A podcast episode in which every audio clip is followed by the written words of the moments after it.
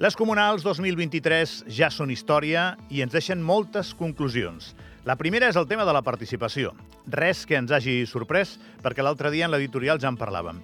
Finalment, la dada és que el 54% dels que poden votar ho han fet en aquestes eleccions, un punt i mig menys que les últimes fa 4 anys.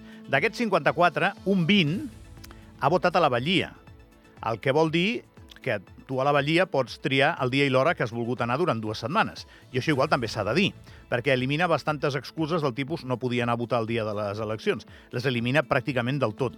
Has hagut d'estar fotut dues setmanes per no anar a votar. O estar a Cancún en un viatge llarg per no anar a votar, que pot passar, eh? Però realment més facilitats que dona Andorra perquè un elector pugui votar és difícil donar. Per tant, un 45% dels que poden votar van passar de fer-ho. Una xifra que assassina del tot aquells temps en què l'oasi andorrà mirava amb condescendència les abstencions que es registraven en eleccions a Espanya o França. I com sempre, en aquests casos, no pot haver una sola causa. L'augment de la població, òbviament, és un factor. Els 15.000 que es podrien fer andorrans i no es fan és un senyal clar també, tot i que no forma part d'aquest percentatge perquè no hi són, però és, és un element que et fa pensar. Eh? I una creixent desafecció per la política també està segur en l'arrel del problema. En això també ja estem del tot homologats als països grans. Ens hem pres tan seriosament diluir-nos en el magma global que també hem après a ser abstencionistes. Ho anem fent mica en mica. Per altra part, les comunals registren una abstenció molt més alta que les generals i això també pot mereixer una anàlisi. Pot haver una certa incomprensió del paper de les institucions locals per part de la gent. Una ignorància perillosa, per cert. Penseu, per exemple, que tot aquest boom de la construcció que estem tenint i que tant es critica genera un munt d'impostos que molts van a parar als comuns. Quan tu fas eh, l'aquagim barato o et recullen les escombraries, hi ha un canal macabre que ho connecta tot, amb l'especulació que fa que et pugin el preu del pis. Sembla mentida, sé que et pot explotar el cervell perquè et diguin això, però és així, és, és d'aquesta manera. Per altra part, acaba una campanya pobríssima, ensupida i amb molt poca esgrima entre candidats, i això tampoc ajuda a que la gent participi. Queda la sensació que les corporacions estaven més o menys ben gestionades perquè ni els que volien entrar des de fora no feien grans crítiques als que estaven a dins. Molts ciutadans veuen que les necessitats locals estan cobertes, mani qui mani, i tampoc es mobilitzen per votar perquè creuen que tot anirà bé guanyi qui guanyi.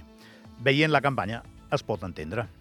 Parlant de política, els passadissos, on es parla de temes importants, se sabia que David Estrier tenia unes eleccions complicades a Andorra la Vella. Primer perquè no se'l percebia com una bèstia política per heretar el patrimoni de qui sí és una bèstia, Conxita Marsol.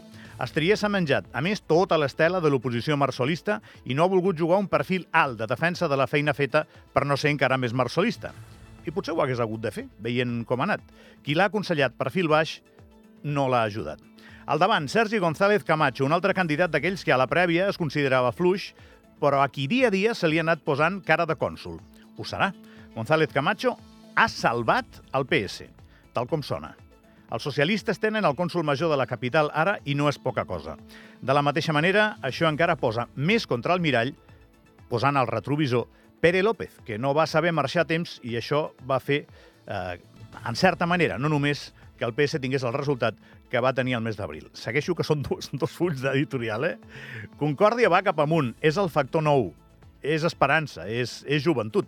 Encara no han tingut temps de decebre ni de decebre's a si mateixos. És el seu moment i queda el dubte de si necessitaven l'aliança amb el PS per guanyar. En tot cas, van endavant. Això és indiscutible. Rosa Gili guanya. Els seus detractors la posen verda, només et diuen bon dia i abans i tot de que el saludis ja l'estan posant verda, Rosa Gili. Està clar que és una persona que polaritza bastant, però guanya. I no ho dic jo, ho diuen els electors d'Escaldes en Gordany, porta tres seguides. Per tant, quan s'analitzi la història recent de la parròquia, ja s'ha de començar a posar Rosa Gili en la carpeta dels tòtems que guanyen. DA ha fet molts vots, però ha tornat a perdre igual que l'anterior, i haurien de deixar de pensar que els prenen la parròquia, que els prenen una cosa que és seva. No seva, és de qui decideix la gent. El que han de pensar els demòcrates d'Escaldes és en el que poden fer millor per tornar a guanyar. Sembla complicat, però és tan senzill com això. El canvi a Sant Julià és interessant, però venia retransmès. Eh? Pintat, la força pintat, la locomotora pintat, no ha fet campanya a favor de Josep Majoral. Ho sap tothom a Sant Julià. I el cònsul major ha perdut. Cairat ha fet bona feina esperant el seu moment i ha arribat per mèrit propi i perquè les circumstàncies han estat perfectes. Era com sortir a navegar amb un bon barco i amb vent a favor. Cairat arribava a port segur. A Ordino, Enric Dolça és el passat. la veritat. És, és la sensació que, que queda després d'unes quantes eleccions, i els electors ja li van dient fa dies. Uh, qui s'ha de fer preguntes és el PS, anant a una candidatura amb ella Ordino. Maria del Mar Com ha aconseguit passar la campanya i encara no sabem del tot si vol que es faci el laboratori de Grífols o no. I té bastant mèrit per part de Coma. Eh? Opinió personal, Grífols no es farà. Massa follon. Aquesta gent que té calés i grans corporacions no van un lloc on no els vulguin. Jo crec que no es farà. A la Massana i en Camp es veia venir que Eva Sansa i Laura Mas guanyarien i han guanyat bé. Haurem de veure i seguir si Guillem Forner, com a detall, té futur parroquial o nacional això serà interessant de, de seguir. De Canillo només cal dir que és Canillo i que Alcobé és una persona preparada. Seria una sorpresa que Jordi Alcobé no fos un bon cònsul. I anem a l'anàlisi de DEA, que és, que és el titular del dia. No? DEA ha tingut unes males eleccions, ho saben. La derrota a Andorra la Vella convertia en la nit d'ahir en complicada pels taronges. Els demòcrates tenen un líder fort i encara que no ho sembli, en el seu millor moment, només cal passar uns minuts amb Xavier Espot per llegir una determinació política que no tenia fa uns anys.